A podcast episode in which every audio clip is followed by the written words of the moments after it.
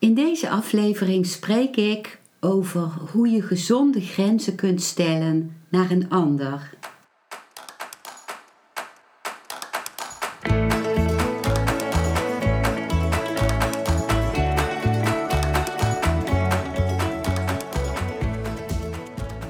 Welkom bij een nieuwe aflevering van Modita's podcast Van Pijn naar Zijn. De podcast waarin ik je meeneem voorbij de pijn in je leven naar wie je diep van binnen bent. Hoe kun je beter omgaan met je gevoelens? Hoe vind je rust in je hoofd? Wat zit er precies achter je pijn? En vooral, hoe kun je steeds meer jezelf zijn? Adem eens diep in en uit. Ik wens je veel luisterplezier.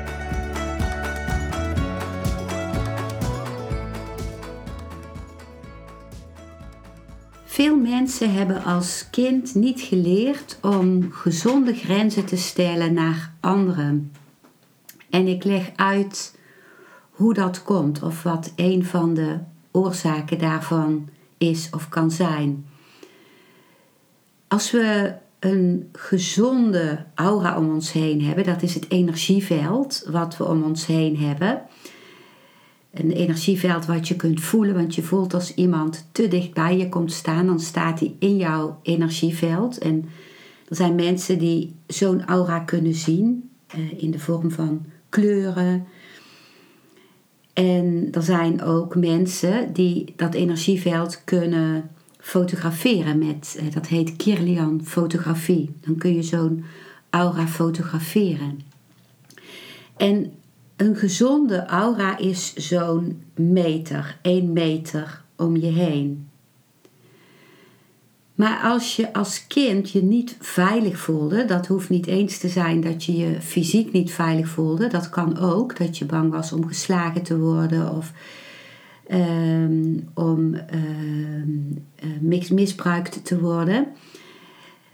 Maar het kan ook zijn emotioneel, dat je voelde van, oh, het is emotioneel niet veilig. Mijn, mijn ouders kunnen er niet echt voor mij zijn. En dat is geen opzet van de ouders, maar de ouders hebben ook hun verleden.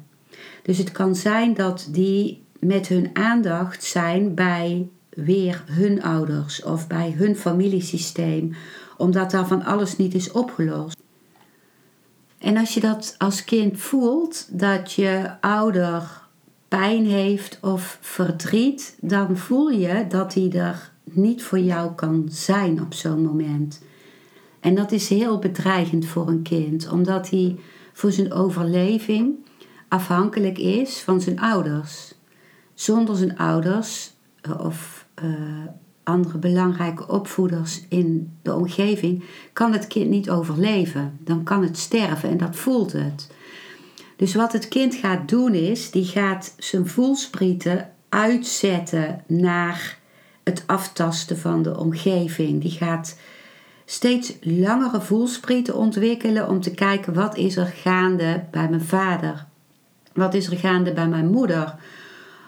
Om af te tasten wat er nodig is. En het kind gaat dan ook heel vaak proberen om voor de ouder te gaan zorgen. En op het moment dat het kind dat doet, dan wordt zijn energieveld veel groter dan die ene meter. Die rekt als het ware zijn energieveld uit, die aura tot uh, eh, 5 meter, dan 10 meter, dan 20 meter en dat kan wel 40 meter worden. En uh, wat er dan ook gebeurt is dat het kind niet meer in zijn eigen centrum is, niet meer in het centrum in zijn eigen lichaam, maar met zijn bewustzijn buiten zijn lichaam is.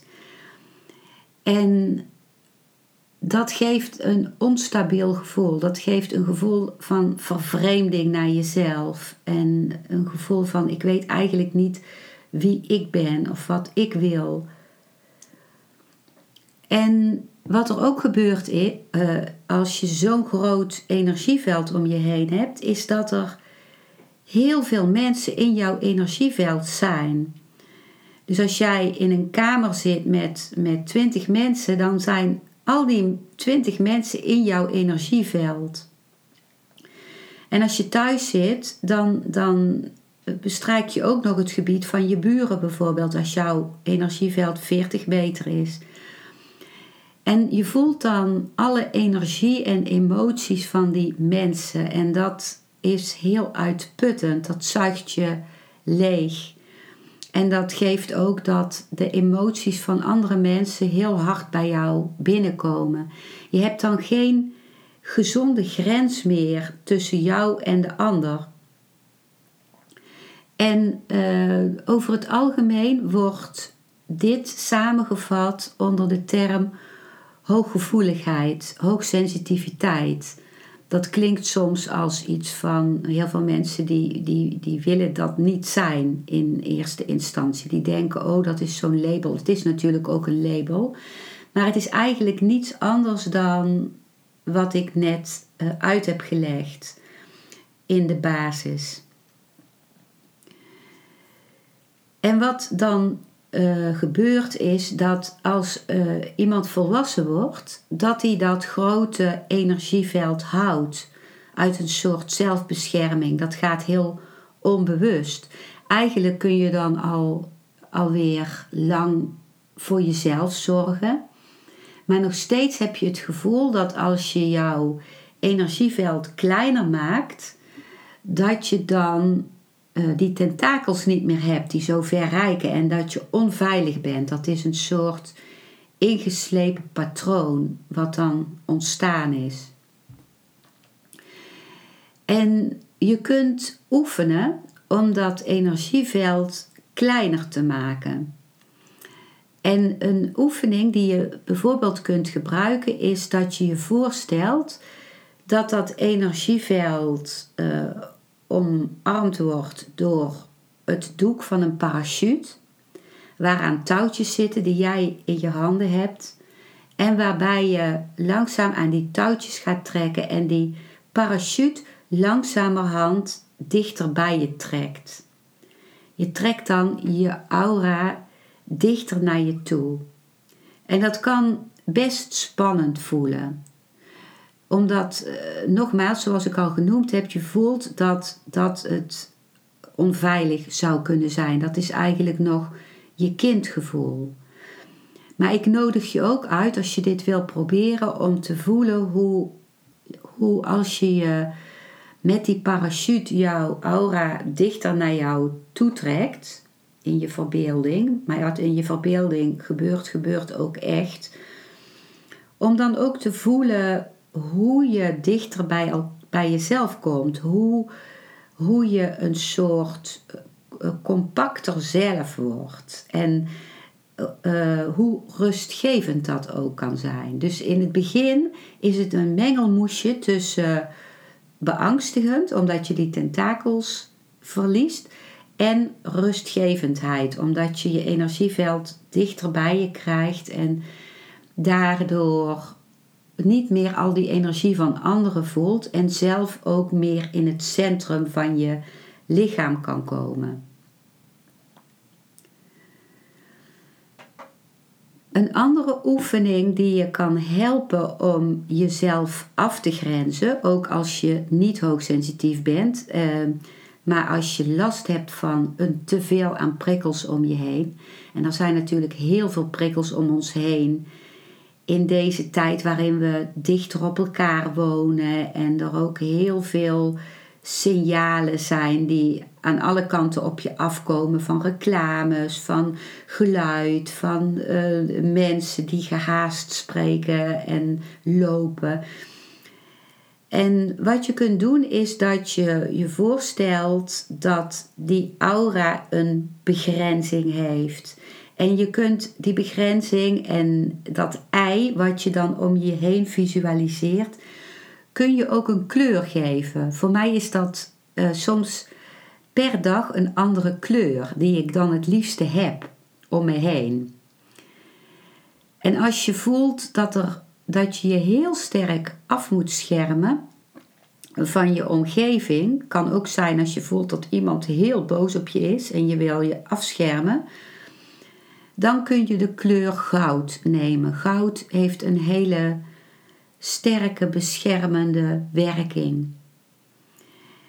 En ik las ook ooit een mooie oefening van iemand die met dat goud uh, werkte en die zich voorstelde dat ze een gouden jas aantrok met een gouden capuchon die ze dan ook opzette. En die jas had een gouden ceintuur die ze dicht deed. En de gesp van dat ceintuur was een kruis. Een kruis is ook een beschermend teken in feite. Wat, wat is ook in heel veel uh, culturen wordt dat gebruikt, dat kruis. Dus zo'n ei kan je helpen. Dus je kunt ook al, zelfs als je ochtends wakker wordt, dat is ook een oefening die Osho, mijn spirituele meester Osho, uh, aanraadt, is om je dan die, die bescherming van je aura om je heen voor te stellen met een kleur, al om die bescherming al te hebben als je de dag ingaat. En je kunt het ook doen als je je veilig wilt voelen in je slaap, bijvoorbeeld. Een gezonde grens naar een ander is nodig voor jezelf om, om goed in jezelf te kunnen staan. En alleen als je goed in jezelf staat, kun je de ander zien. En het is ook nodig dat je ziet dat de ander ook zijn eigen begrenzing heeft. Alleen als jouw begrenzing er is en de begrenzing van de ander, dan kun je elkaar echt ontmoeten. Die, die ontmoeting vindt plaats op de grens tussen jou en de ander. Heel vaak is er een misvatting dat je pas echt dicht bij de ander bent als je vervloeit met de ander. Als je als het ware één wordt met de ander. En op spiritueel niveau kan dat zo zijn. Maar in het dagelijks leven is het vaak zo dat, dat als je vervloeit met die ander, dat je niet eens meer ziet wie die ander echt is. Je denkt dat die ander net zo is als jij. En dan lijkt het een goed contact, maar dat is het in feite niet. En als die ander dan iets laat zien wat anders is dan jij, en, en heel veel is natuurlijk anders dan jij, je hebt natuurlijk ook overeenkomsten, maar er zijn ook andere dingen, dan voelt die ander zich ook niet door jou gezien. Je kent misschien wel dat voorbeeld dat je het hebt over, goh, ik heb een, uh, een auto gekocht en het is een blauwe auto en ik ben er zo blij mee. En dan zegt de ander tegen jou, oh, ik heb een blauwe fiets. Dan, dan voel je je gewoon al helemaal niet meer gezien met jouw auto, met de blijdschap van jouw auto. Dus als die ander echt kan zien van, oh, ik heb een fiets en dat is iets anders dan een auto, dan kan die ook naar jouw auto kijken. Dus uh, zo denken we ook heel vaak te weten wie onze ouders zijn, of wie onze broer is, of wie onze zus is. Maar zien we die ander ook echt? Kunnen we echt zien van hé, hey, die ander is anders dan ik en die heeft een eigen gebied om zich heen? En kun, kunnen we dat ook respecteren? En dat kun je ook alleen maar doen als je ook jouw eigen gebied af kunt bakenen. Dus je kunt alleen maar contact maken, je kunt alleen maar ja zeggen tegen een ander als je ook nee kunt zeggen tegen de ander. Als er een sprake is van een grens.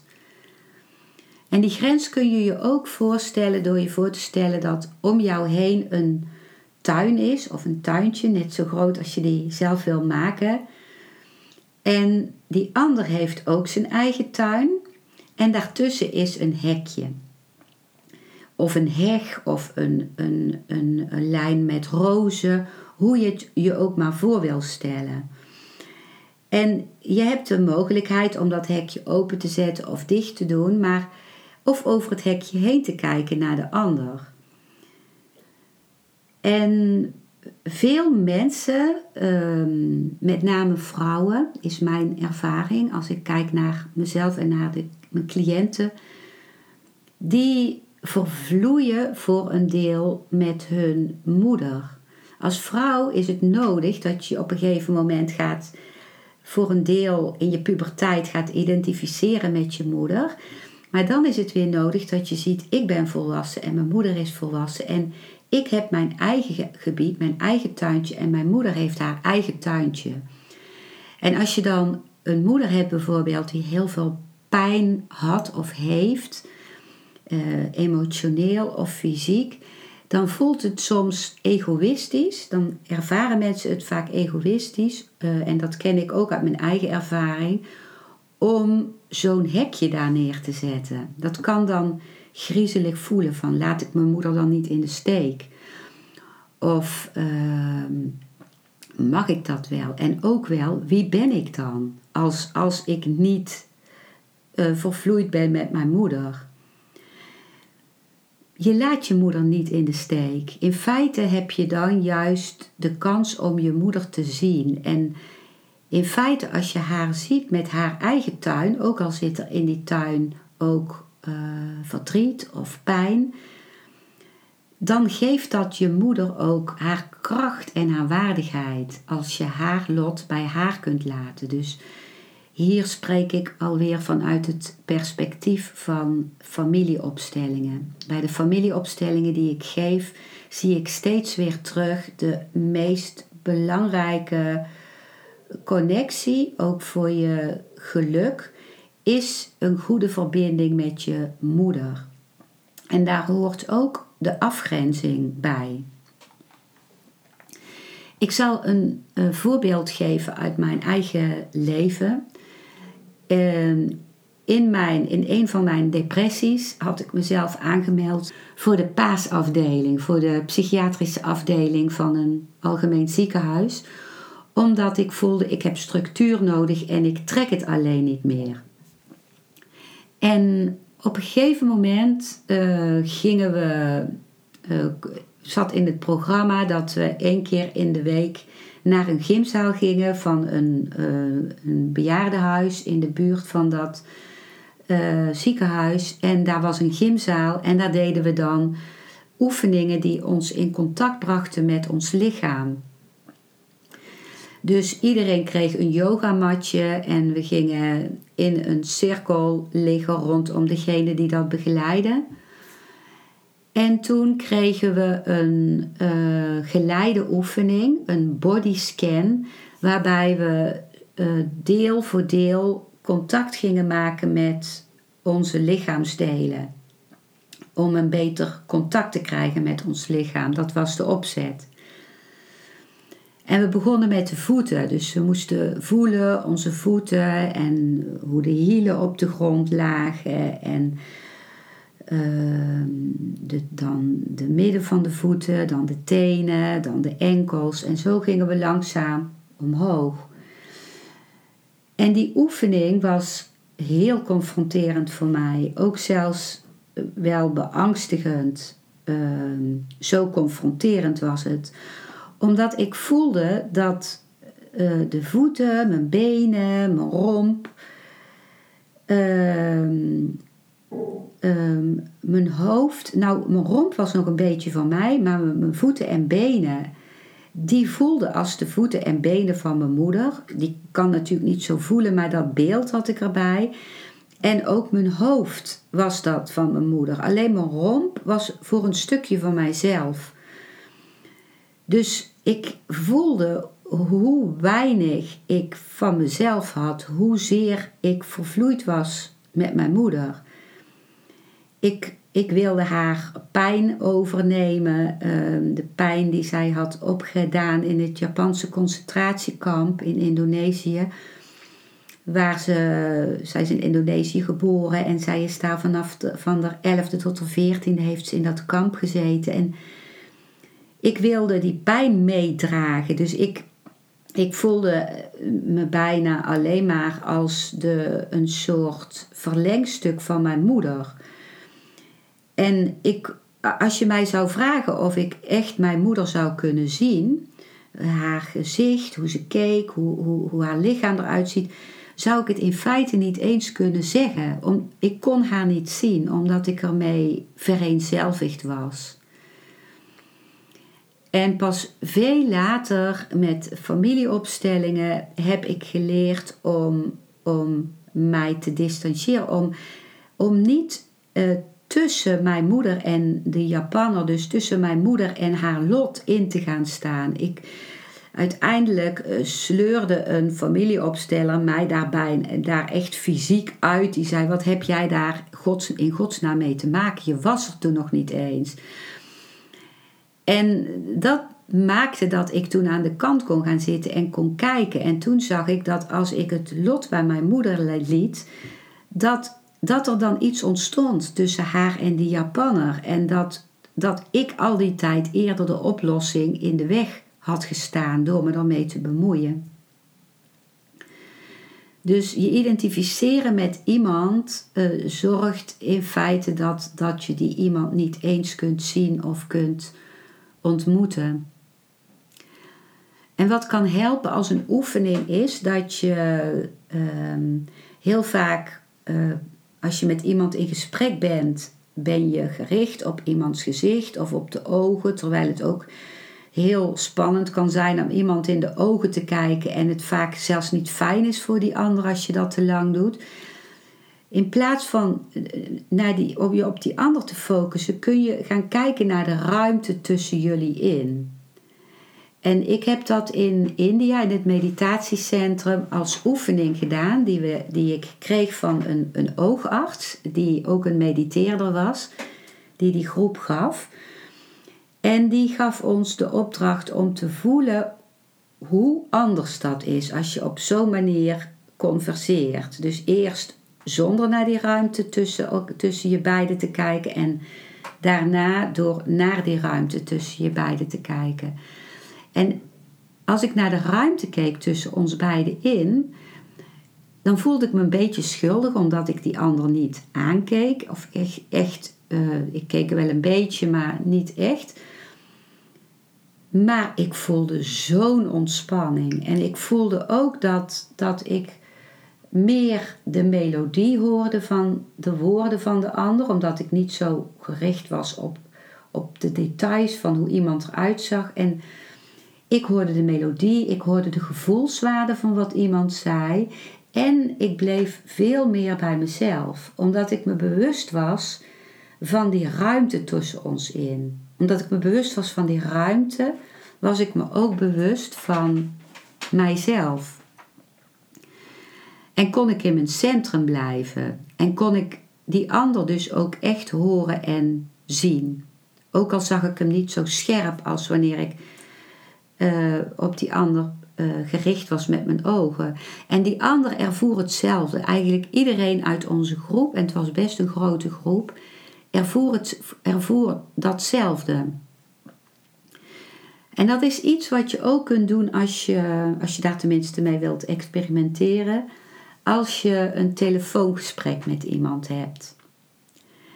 Dus dan, dan kun je uh, je richten op de ruimte tussen jullie beiden. Dat kan ook aan de telefoon. Dat, dat is vaak iets heel fijns om mee te oefenen, omdat het minder spannend is. Want iemand ziet niet dat je hem niet direct aankijkt, wat die, wat, wat die anders misschien wel zou verwachten.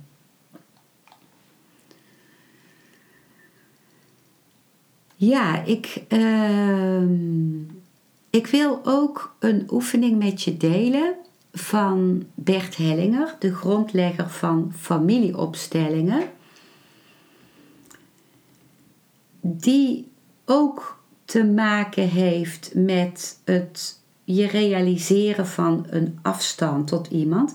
En dit is een oefening die je kunt doen als je uh, een probleem hebt met iemand, in het contact met iemand. En de oefening werkt niet zozeer voor als dat iemand is van je, voor je familiesysteem. Sommige mensen hebben de ervaring dat het daar ook mee werkt, maar dat zit gecompliceerder bij deze oefening. Maar je kunt het doen als je een probleem hebt met iemand die niet tot jouw familiesysteem behoort. En uh, ja, als je deze oefening uitgebreider wil doen voor jezelf, dan kun je dus steeds uh, de de podcastaflevering even stoppen om tijd te hebben om het langzamer te doen. En om voor ieder onderdeel de tijd te nemen. Dus je stelt je degene voor met wie je het probleem hebt en je kijkt naar die persoon. En dan neem je de tijd om, om je af te vragen: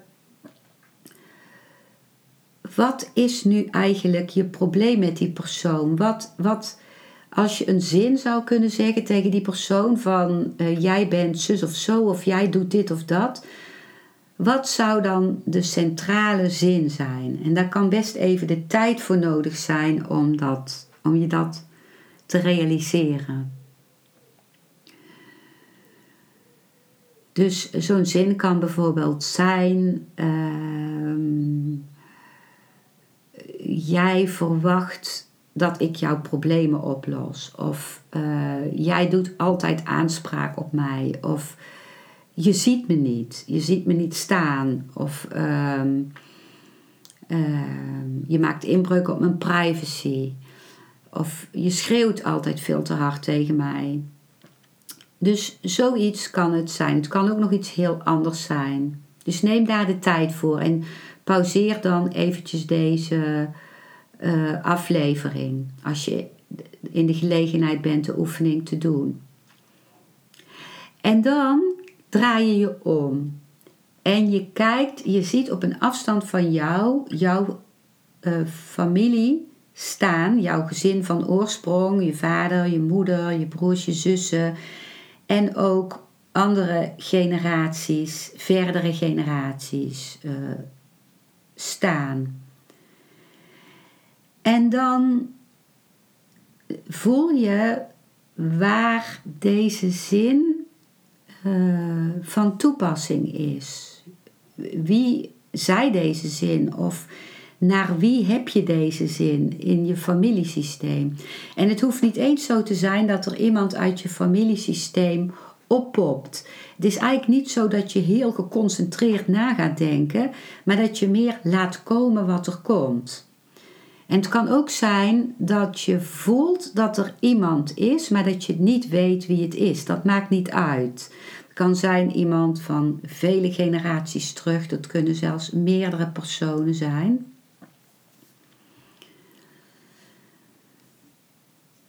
En dan, als het uh, je broers en, of zussen zijn, dan ben je uh, even groot als hen. Maar als het je ouders zijn of iemand van een eerdere generatie, dan stel je je voor dat die persoon groter is dan jij. Omdat die eerder op de wereld is gekomen, is die groter dan jij. En dat jij kleiner bent. Als het bijvoorbeeld je ouders zijn, jij bent alleen het kind. Jij bent kleiner. Dat voel je en dan draai je je weer om naar de persoon met wie je het probleem hebt. En het eerste wat je doet is dat je je realiseert dat die persoon niet tot jouw familiesysteem behoort. Dat die tot een ander familiesysteem behoort. Dus er is een verschil. Dit is jouw familiesysteem, dat is zijn of haar familiesysteem. En je neemt al waar wat dat met je doet. Als je dat realiseert. Die persoon behoort niet tot jouw familiesysteem. En dan realiseer je je dat jullie, jij en degene met wie je het probleem hebt, allebei volwassen zijn. Dus je bent allebei volwassen. En je bent allebei verbonden met je eigen familiesysteem.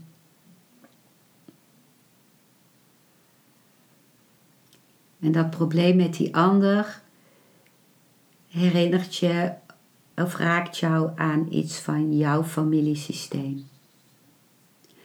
En dan buig je voor het lot. Voor het lot van de ander en voor het lot van jezelf.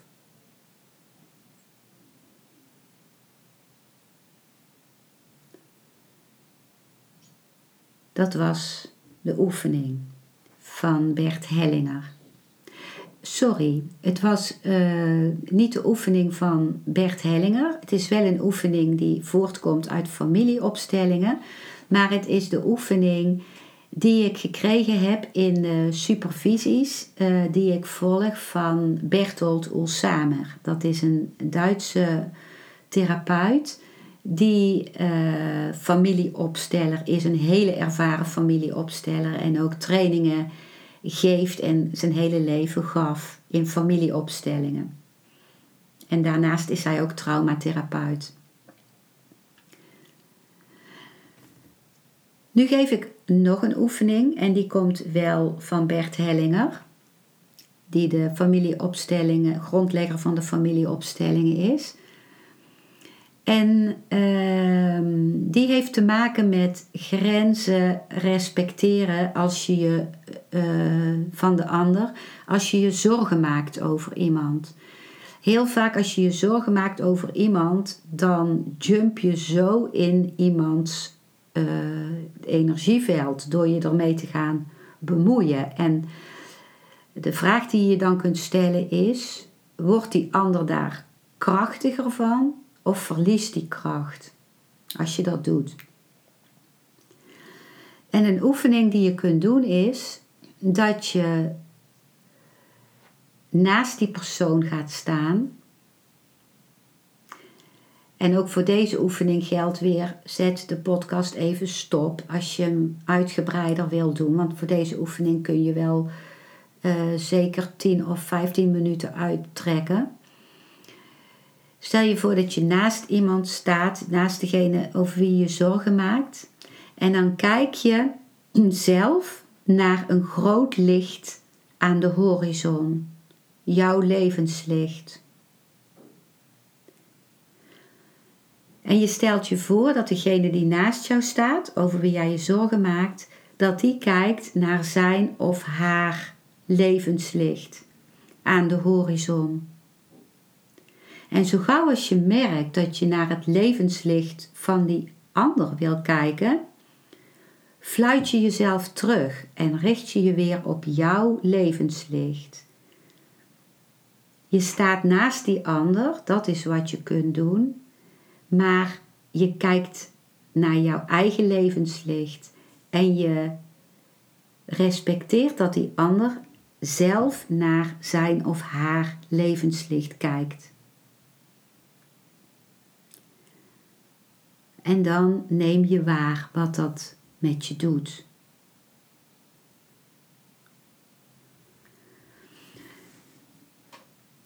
Dat was wat ik uh, wilde zeggen over het grenzen stellen naar een ander in deze aflevering. Wanneer je uitgebreider met een familieopstelling uh, wilt kijken naar een situatie waarin je moeite hebt met een grens te stellen naar een ander, dan ben je in ieder geval van harte welkom. En je kunt op mijn website zien, die ik onder deze aflevering ook vermeld, ehm, in welke vorm dat kan. Dat kan individueel, dat kan eh, via Zoom of live, dat kan via een live familieopstellingendag in Eindhoven.